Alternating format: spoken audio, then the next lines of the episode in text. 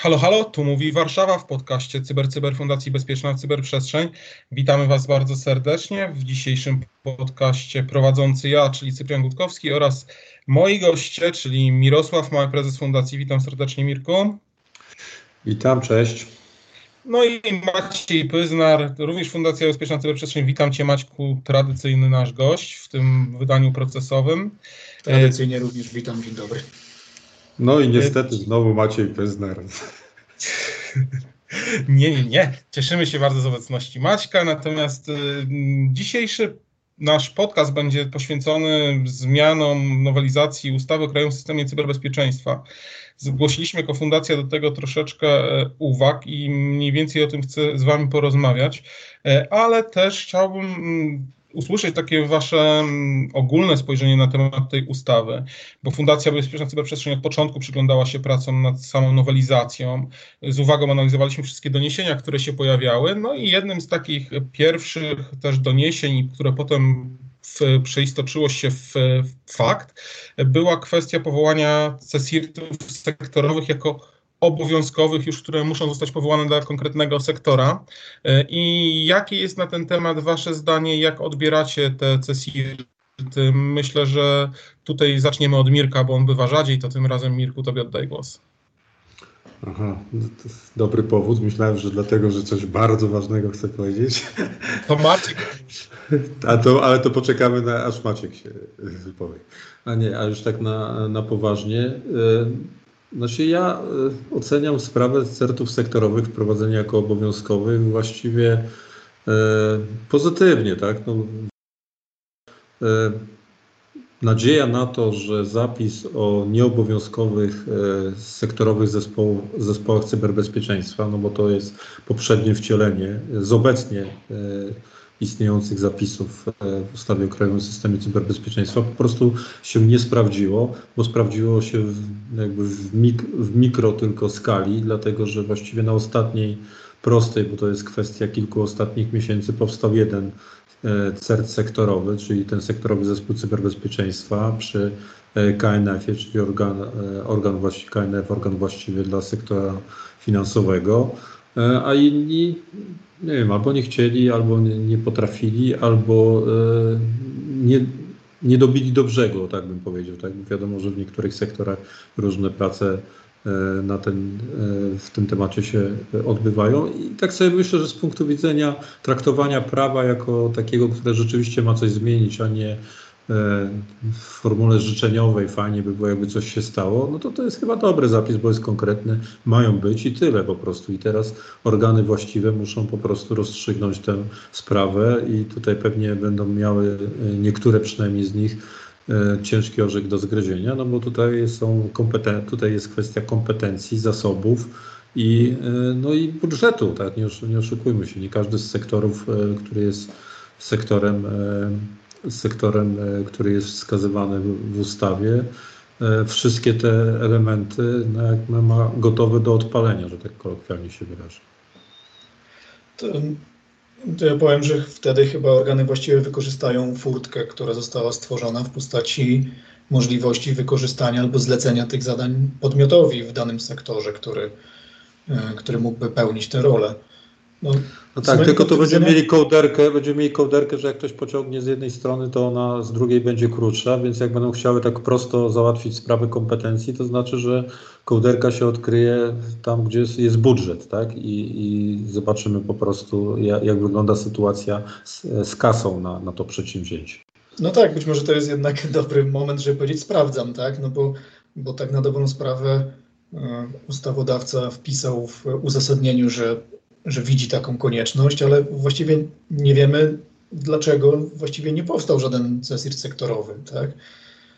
E, wcześniej. Nie wiemy też y, dokładnie, czy, czy ta jego rola no, jakby się sprawdzi, tak? bo nie mamy żadnych właściwie informacji na ten temat.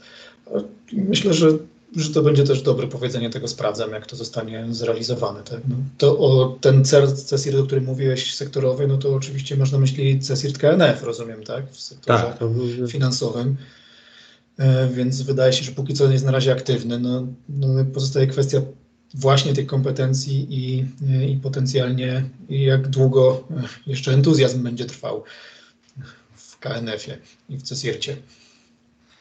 Znaczy tutaj jest rzeczywiście kwestia też tego, że zostały stricte określone finanse i może tutaj warto się odnieść do pewnej sytuacji, ponieważ fundacja uczestniczyła w wycenianiu tak jakby czy jakie usługi powinien świadczyć CESIR sektorowy. I również zostało za nami zamienione też słowo na temat kwoty, y, ale o ile zgadzamy się i takie mniej więcej podaliśmy, jak zostały przybliżone w projekcie ustawy, jeżeli chodzi o linię drugą i linię trzecią, o tyle z tą linią pierwszą tutaj y, no już my się y, z tym nie zgadzamy z wyceną na 12 tysięcy złotych dla pracownika pierwszej linii E, soku teraz, który będzie miał pełnić tą funkcję, także... Mm, Bo nie jesteśmy taka... pracownikami, nie jesteśmy pracownikami tej pierwszej linii, dlatego się No właśnie, ja bardzo żałuję, no, to, prawda. Natomiast słuchajcie, jest To znaczy, jeszcze ten, jedna... masz na myśli ten, ten sok, którego jeszcze nie ma, tak? Który będzie tyle zarabiał, tak? Który będzie tyle zarabiał, no ale to już wiesz, ludzie się czują, że będą tyle zarabiać, także tak to wygląda. Dobrze, ale to, ale... to może wróćmy na chwilę jeszcze do jednej rzeczy, bo, yy, bo wydaje nam się, że, że chyba co do tego jesteśmy zgodni, że, że rola CSIRT-u sektorowego jest potrzebna i, i nawet, yy, yy, nawet były robione takie jedne chyba y, opracowanie dla jednego z ministerstw właśnie odnośnie tego, jak widzą to operatorzy y, w tym sektorze. No i rzeczywiście dobrze by było, jakby być może to jest rzecz, która powinna się znaleźć w ustawie, o czym zresztą już chyba dość długo mówiliśmy, żeby, żeby w jakiś sposób nakreślić te zadania e, poprzez usługi, które miałyby realizować taki, e, taki CESIT sektorowy. Tak?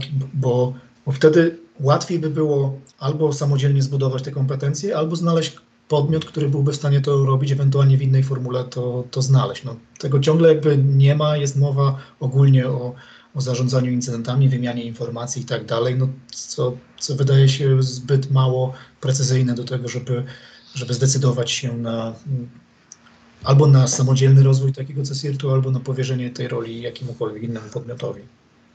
Pewnie Maciek ma, masz w dużej mierze rację. Z drugiej strony e, tu w obronę bym wziął to, że nie ma to bardzo pre, tego bardzo precyzyjnie określonego, dlatego że no jak doskonale wiemy, jakbyśmy sobie wzięli teraz na, na, na warsztat sektor po sektorze, to potrzeba dotycząca zakresu usług dla certu sektorowego w poszczególnych sektorach no byłaby zupełnie inna. I, I, teraz zupełnie inna jest w sektorze na przykład finansowym, gdzie istnieją bardzo silne zespoły bezpieczeństwa u poszczególnych operatorów usług kluczowych, e, a inna jest na przykład w sektorze służby zdrowia, gdzie, gdzie właściwie można sobie wyobrazić, że rolą CERT-u sektorowego powinno w dużej mierze być e, przejęcie wręcz e, działań operacyjnych, jeżeli chodzi o obsługę incydentów na jakimś poziomie. Więc e, no, no tutaj no, nas to boli, bo, bo my pracujemy cały czas w takim podejściu metodycznym, tak, gdzie to jest bardzo ważne, żeby po prostu do, świadomie wybierać i wiedzieć po prostu, co się kryje za jakimś pojęciem, które jest ogólnym pojęciem typu CERT albo CERT sektorowy, tak, albo jakiś SOK, tak, bo zaraz pewnie będziemy dyskutowali o SOKu. Wiemy, że to tak, tak naprawdę ten SOK SOKowi nierówny, CERT CERTowi e, nie, nierówny i e, no już nam się jakby to, te, te, ten obraz trochę rozmywa, tak, jak, jak tego nie widzimy wprost, ale to po prostu no, jest zadanie dla organów właściwych. Inna sprawa na pytanie, na ile oni będą tego świadomi, że, że takie zadanie ich czeka i na ile będą potrafili je zrealizować. Tak, no to, to właśnie była jakby istota mojej uwagi z tym, że ja zakładałem, że nie tyle może znajdzie się tam zapis, co, co znajdzie się zapis mówiący o tym, że te organy właściwe określą najzwyczajniej w świecie te, te usługi, które są potrzebne w danym sektorze. W tym momencie mogłyby wykonać coś w rodzaju quasi badania tego, co jest potrzebne, co nie jest potrzebne, no i w tym momencie e, ustanawiając taki SOK, określić również e, jakiś podstawowy zakres usług, tak, które miały Ale ten... Nie ma, Maciek, no nie ma, nie ma problemu, odsłuchają wszystkie podcasty, które nagraliście na temat e, e tak. ferstowych usług sercowych i po prostu tam jest, tam jest cała instrukcja już właściwie, jakby ktoś to po prostu spisał, to ma tak zwany e, best practices guideline i po prostu i do przodu. A jak nie, to zadzwonią tutaj do Cypriana, Maćka, do mnie. No Kamila też. Po, pomożecie, Kamila. pomożemy. Ale my nie mamy waszego numeru telefonu. Dzwonimy, proszę się nie bać. Tak, ale słuchajcie, bo rzeczywiście wydaje mi się, że tutaj wszyscy się zgodzimy z tym, że te CSIRTy sektorowe są jak najbardziej potrzebne, z wyjątkiem tego, że ja tutaj będę w mniejszości, nie nazywałbym ich CSIRTami, tak? To jest zupełnie inna rzecz, ja bym to nazwał zespołami bezpieczeństwa sektorowymi, e, a pozostawiłbym CSIRTy krajowe, które były po prostu jako trzy instytucje, które rzeczywiście było wiadomo, kto do kogo powinien się zwracać, natomiast tu może nastąpić takie rozmycie trochę, a gdzie ja powinienem to zgłosić? Do CSIRTu? Do CSIRTu którego? Jakiego? A to jest mój sektor, czy nie mój sektor? I gdzieś będą pojawiały się wątpliwości. Już teraz mamy sytuację, że część jest w GOWie, część jest w NASKu, tak? i już nie bardzo wiedzą, gdzie powinni zgłosić i pojawiają się wątpliwości. Więc w sytuacji, gdzie będą jeszcze sektorowe, może dojść do jeszcze większego zamieszania i może zostać pominięty jakiś CSIRT krajowy, który jest przynajmniej teoretycznie ważniejszy od CSIRT-u sektorowego. Natomiast to, to rzucam po prostu tak w eter, nawet nie wiem, czy chcę, żebyście się odnosili do tego, co właśnie powiedziałem. Natomiast... Ja, ja, chcę, się odnieść. ja chcę się odnieść. Mirek ja jestem, ja, ja jestem za tym, żeby to rzeczywiście jak najbardziej komplikować, bo wreszcie to będzie musiało doprowadzić do takiego rozwiązania quasi 112, tak, że będzie jedno miejsce po prostu i w tym miejscu będą wiedzieli, do kogo ten przypadek ma trafić, czy do tego certu krajowego, czy do tego sektorowego, natomiast e, oprócz tego, że mamy pewnie, jeszcze wspomnimy o tym, e, trochę uwag terminologicznych, e, które e, dotyczą zapisów w tej, w tej ustawie. No tutaj akurat no, no to są Cyprian certy jako takie, tak? Po, po, po prostu ze pewnym specyficznym e, zakresem usług, który jest bardziej, że tak jak to się mówi powszechnie, miękkim zestawem niż, niż a też znowu w zależności od sektora, tak? Więc ja, ja bym tam do tego się nie przyczepiał, ale, ale słuchacze się cieszą, że mamy różne zdania. Tak, no to czyli... Natomiast zlikwidowałbym Isaki.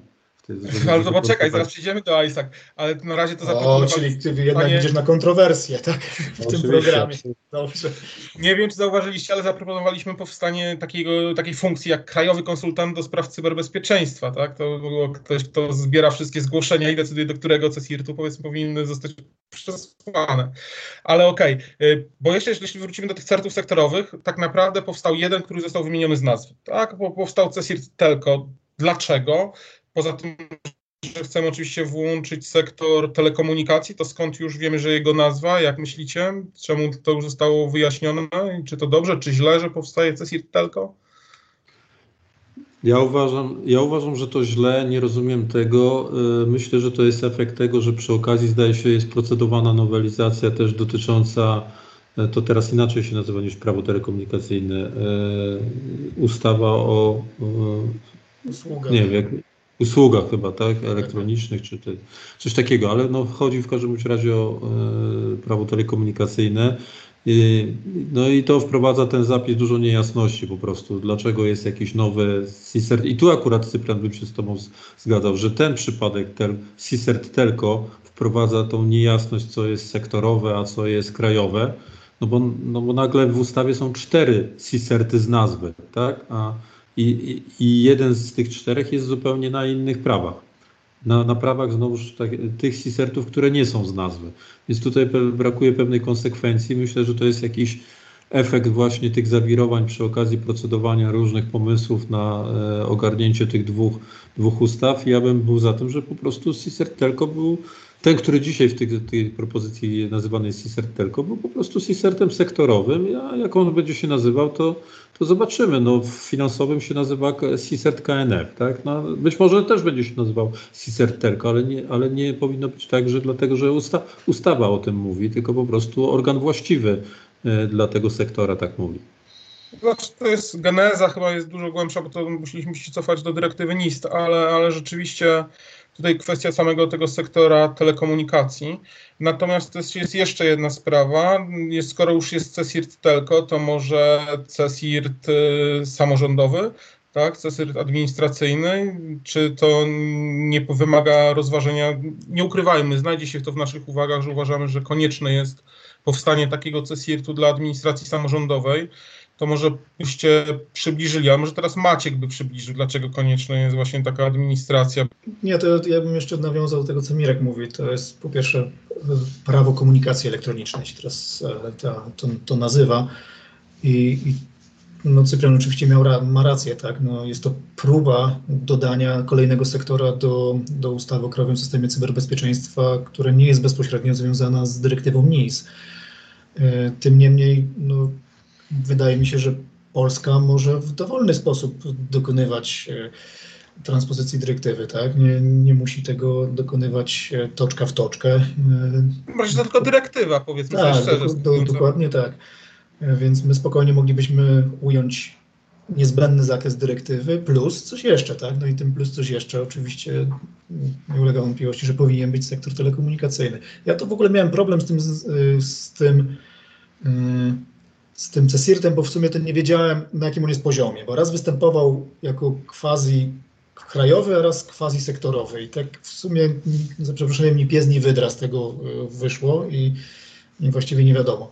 Co do sektora e, administracji, wydaje mi się, e, CESIRT-u dla administracji, wydaje mi się, że on powinien powstać, dlatego że w chwili obecnej teoretycznie tę rolę pełni CESIRT.gov, ale jeżeli dodamy do tego jeszcze administrację samorządową, no to niestety ten CESIRT.gov i jego konstytuensy jest po prostu na tyle rozległe, że to wymagałoby obsługa tych wszystkich e, podmiotów no, znacznej rozbudowy tego CESIRT-u, czego e, jakby przynajmniej w ustawie nie widać, tak? I wyda, wydaje nam się, że, mm, przynajmniej nie, że taki CESIRT by się przydał. E, po pierwsze mógłby obsługiwać niecentralne organy administracji, tak? I dodać do tego administrację samorządową, w której, no jak wiemy, są przetwarzane w znacznej mierze i dane osobowe, i są istotne systemy dla bezpieczeństwa państwa, które no, no są zarządzane jak są zarządzane i taki CESID by się im przydał. No i tutaj być może właśnie wśród tych usług mogłoby być dużo usług doradczych takiego CESIRT-u. Pytanie, kto miałby to pełnić, tę rolę? To jest chyba naj, najtrudniejsze pytanie, na które odpowiedzi nie mamy, bo, bo minister właściwy do spraw administracji czyli obecnie minister spraw wewnętrznych i administracji, no musiałby albo taki zespół zbudować, albo szukać y, no, podmiotu, który jest najlepiej do tego przygotowany. Mirek, masz jakiś pomysł, kto mógłby to być? Teraz jest taki e, fragment e, podcastu w radiu, co się mówi, szkoda, że Państwo tego nie widzą, bo wszyscy kiwają głowami. E, niestety w tym, w tym fragmencie, niestety dla słuchaczy ze wszystkim się zgadzamy chyba, więc dużo kontrowersji nie będzie ale to rzeczywiście chyba tego, co najbardziej brakuje, tak nam wyszło zupełnie naturalnie, zdaje się, jeśli się ze mną zgadzacie, jak, jak pracowaliśmy nad tymi uwagami, że nagle takie ten, no właściwie dlaczego tu nie ma CISERT-u sektorowego dla tego, sam, dla tego sektora właśnie samorządowego, który no zresztą no znamy kilka przypadków, słynna Kościerzyna, tak? to, to najbardziej znane, ale to nie było jedyny przypadek, to było znacznie więcej takich przypadków właśnie w samorządach, gdzie rzeczywiście była taka pomoc potrzebna, a znowu powiedzmy sobie szczerze, CISERT.gov koncentruje się tak naprawdę, nawet bym powiedział, na nie tyle na jednostkach administracji rządowej, co na infrastrukturze krytycznej. No taka jest prawda po prostu o CSRC Gov, który oczywiście ma w swoim konstytuency również administrację rządową, ale no już na pewno tego szczebla niższego to, e, to nie. Dzisiaj to zdaje się, że jest bardziej domeną NASKU jako, jako CISERT-u krajowego, ale to jest po prostu tego tak dużo i tak na tyle specyficzne, że moim zdaniem, tu, tu właśnie chyba się zgadzamy, że, że fajnie jakby powstał taki. On by miał co robić, tak? I, i no i zgłosiliśmy taką uwagę, no. E, więc liczymy na to, że może jeszcze tam na ostatniej prostej coś się uda w tej, w tej materii e, wyskrobać w nowelizacji. No to dobrze, to przejdźmy do kontrowersji w takim układzie, bo no to powiedziałeś... Dawaj, dawaj. Dawaj, tak, tak, Majsaki, proszę bardzo. No to wreszcie, czym tak. się różnią Majsaki tak naprawdę od CESIRTów sektorowych? Czy nie mogą tego robić CESIRTy sektorowe? Takie pytanie się pojawia. Chyba pana Mirka, tak? No wiadomo. No, no bo tak, merytorycznie to bym powiedział niczym, aczkolwiek oczywiście rozumiem to, ten pomysł polegający na tym, że ISAC-ów może być, e, mówiąc oczywiście z wielką przesadą, milion, tak? a CERTów sektorowych tyle, ile e, organów właściwych. E, I to jest chyba właściwie dla mnie jedyne roz, rozróżnienie. No oprócz tego, że na ISAKI mogą nie mieć, a priori nie, nie będą miały wpisane tych, tych operacyjnych usług, ale bym powiedział, że e, nie do końca rozumiem ich sens. Tak? Nie, nie wiem, co one, powiedzmy, że one powstaną i co one mogą robić. Chyba, że jest to pewnego rodzaju furtka dla, dla, dla istnienia w całym krajowym systemie cyberbezpieczeństwa podmiotów e, prywatnych, które no, chcą pełnić taką, taką e, formułę właśnie, nie wiem, no, tych, którzy informują o jakichś zagrożeniach i tak dalej, i tak dalej. Tylko no, ISAC to jest moim zdaniem w tym momencie stwierdzenie na wyrost, tak? I tu już mamy taki kłopot y, jakościowy dla terminologii, bym powiedział. No i jeszcze konieczność rejestracji tych ISAC-ów, które wcale niekoniecznie są podmiotami formalnymi, prawda? No tak, jakby y, ta rejestracja tych podmiotów, zarówno y, ISAC-ów, jak i SOK-ów jest dla mnie absolutnie niezrozumiała. Ja tego, tego nie rozumiem. Y, ja jako wielki ja fan. ISAC-ów, które kiedyś próbowałem organizować jeszcze w RCB, no to, no to widziałem dla nich właśnie taką rolę jako podmiotów, no, nie powiem, że nieformalnych, tak, ale tworzonych na potrzeby konkretnej grupy podmiotów, właśnie pod kątem potrzeby wymiany informacji, tak? Albo mniej lub bardziej potrzebnych, nieoperacyjnych zdecydowanie w kontekście zarządzania incydentami, o ile oczywiście te podmioty się na to nie zdecydują, tak? Ale y, jakby nazywanie ich w ustawie i co więcej rejestracja jakby zaprzecza w ogóle tej idei, tak? No bo teraz właściwie nie wiadomo, kto miałby prowadzić te, te ISAki w ustawie, no i, i ich rola została ograniczona tylko i wyłącznie do y, wymiany informacji o podatnościach, zagrożeniach i incydentach. Jakbym się chciał czymś innym wymieniać, to co? Właściwie chyba nie mogę, tak? Bo jeszcze na dodatek muszę sprawozdawać panu ministrowi z tego, co zrobiłem. Się chyba możesz wszystko, tylko pytanie, czy to będzie w, ram, w ramach Isaaca. Ale powiedz Maciek, jak, jako fan Isaaców, ja też zresztą, tak? I, a tutaj mówię, że, że wyrzuciłbym to, ale jako właśnie fan Isaaców i tak jak myślałeś sobie o nich, to, to nie jest tak, że czytając te, te propozycje w nowelizacji nie, nie podpada ci to trochę pod te CISERTy sektorowe? No znaczy, ja to wiążę z moją uwagą dotyczącą y, zakresu usług CSIRT-ów sektorowych, tak? Mhm. No bo y, ja bym właśnie, jeżeli wylistowalibyśmy te usługi, które CSIRT sektorowy powinien pełnić, a z tej puli, której tam nie ma, no po prostu można by było przesunąć do ISAC-ów najzwyczajniej w świecie, tak?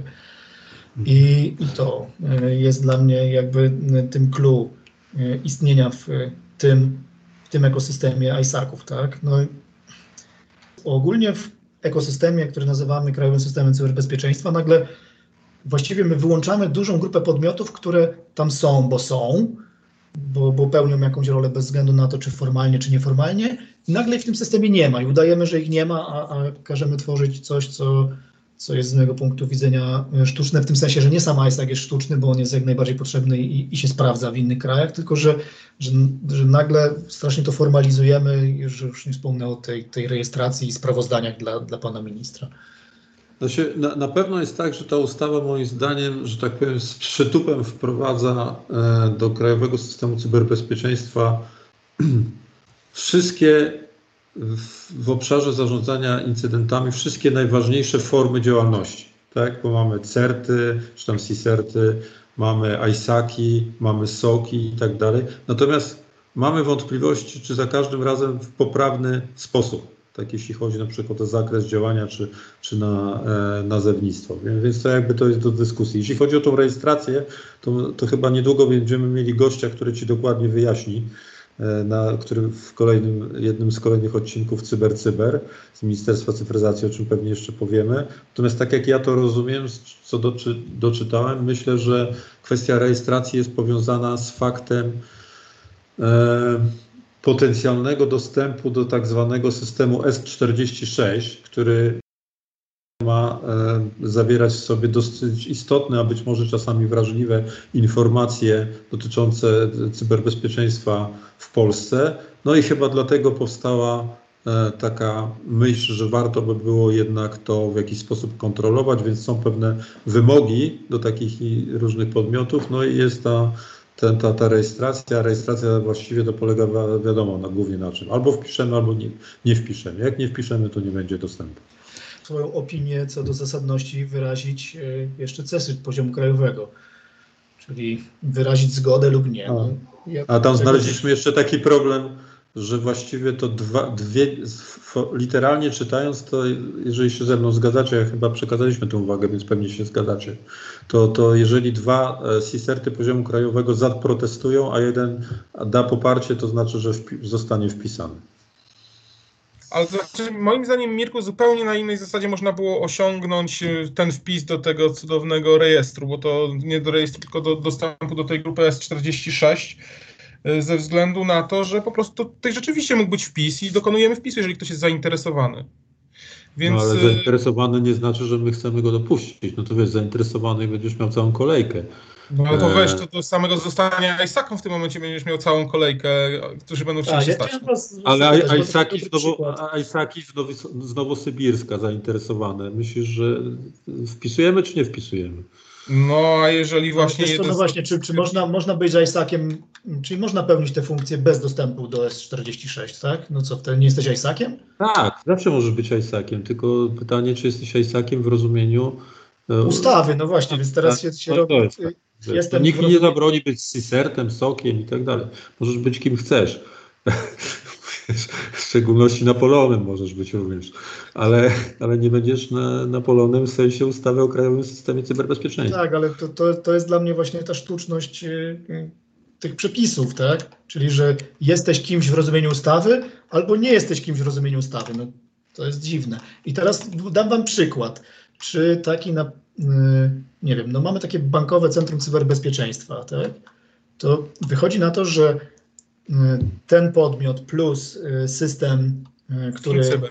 FinCyber, który sobie udostępniają, no to jest właśnie system, który teoretycznie y, mógłby służyć wymianie informacji o, o zagrożeniach, podatnościach i czymś jeszcze, tak? No to w tym momencie oni są czym? No bo właściwie mogą się też wymieniać operacyjnie informacjami, no i... Znaczy myślę, że już dzisiaj no, są ISAC-iem, a, a mają szansę dużą po nowelizacji ustawy zostać ISAC-iem w rozumieniu ustawy. No, widzicie, i to jest właśnie może, właśnie Maćku, to może rzeczywiście jest odpowiedź na to pytanie, że dzięki temu mogą zostać podmiotem z Krajowego Systemu Cyberbezpieczeństwa, którym by się nie stali tak. w żaden inny sposób.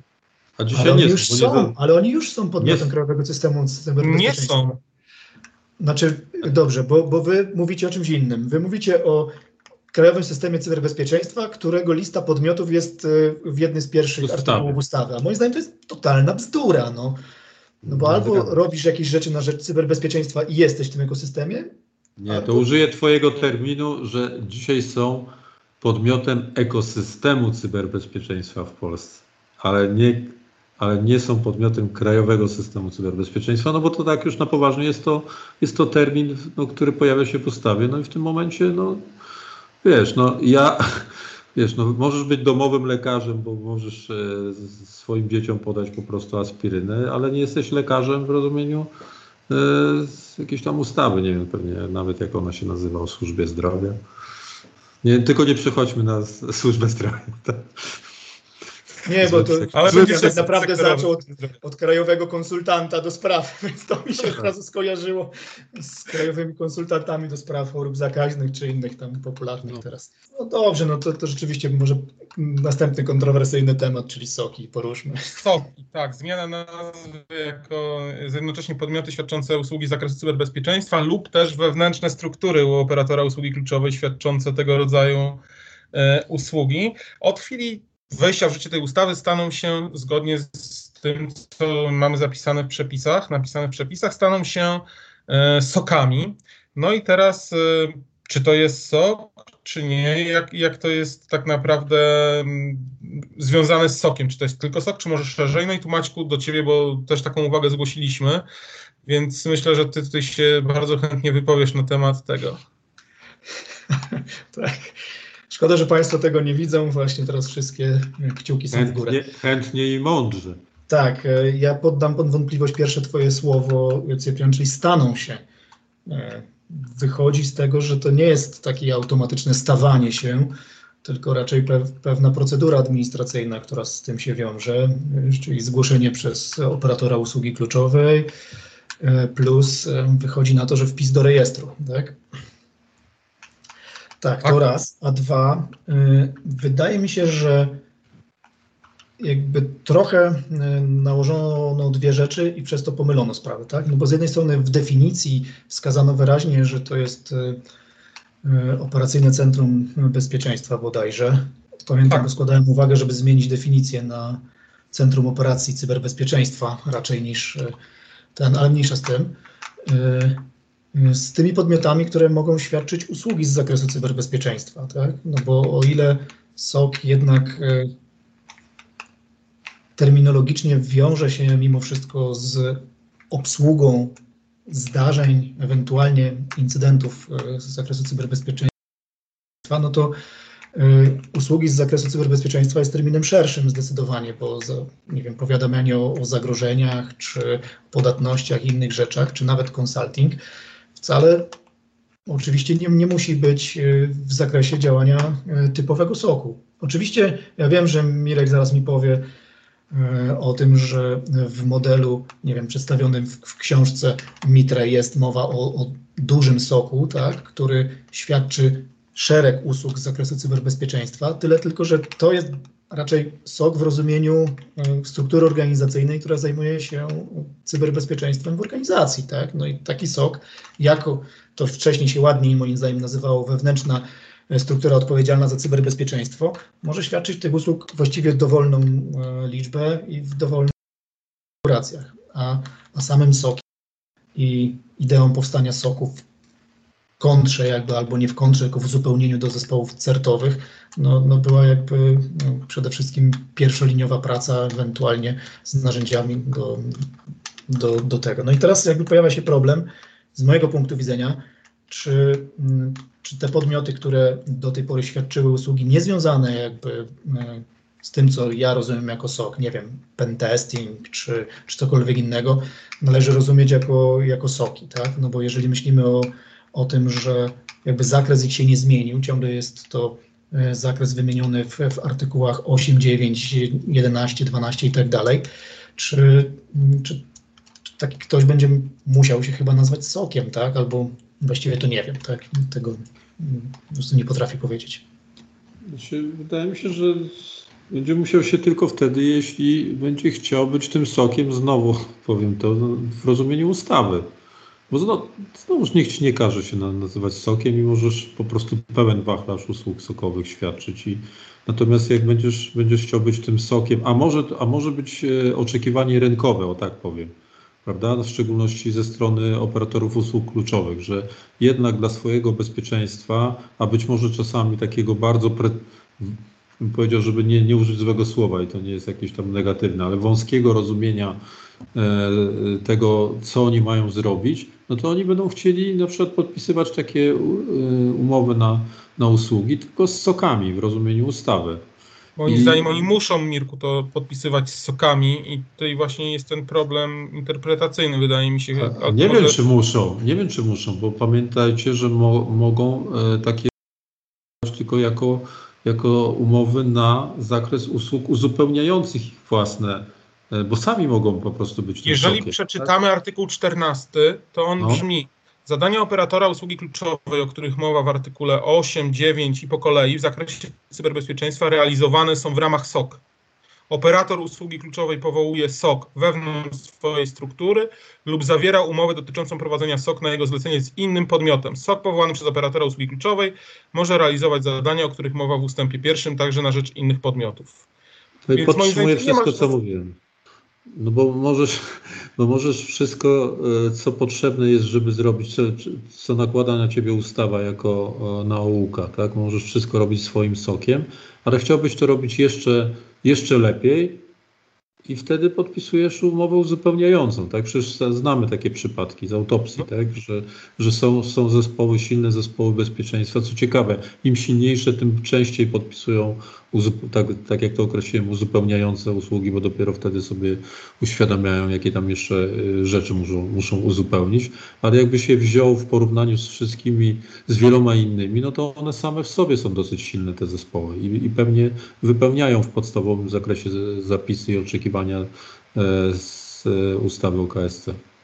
No ale dobra, no to słuchajcie, zaczynamy trochę, trochę jakieś prawnicze te, to chyba nie do końca jest e, Myślę, najważniejsze. Myślę, że jak będziemy mieli przedstawiciela Ministerstwa Cyfryzacji, wtedy sobie zobaczymy, tak. to wyjaśnimy, jak, jak, jak to jest e, rzeczywiście i jakie jest, chociaż no, ja tutaj nie widzę pola do dyskusji, nie wiem jak Maciek, ale szukam ja, jakby, ja jakby na potwierdzenie swojej tezy zacytuję tylko OSR, który mówi, że usługi tak zwane certowe, analityczne oraz sokowe reagowania na incydenty Koniec cytatu.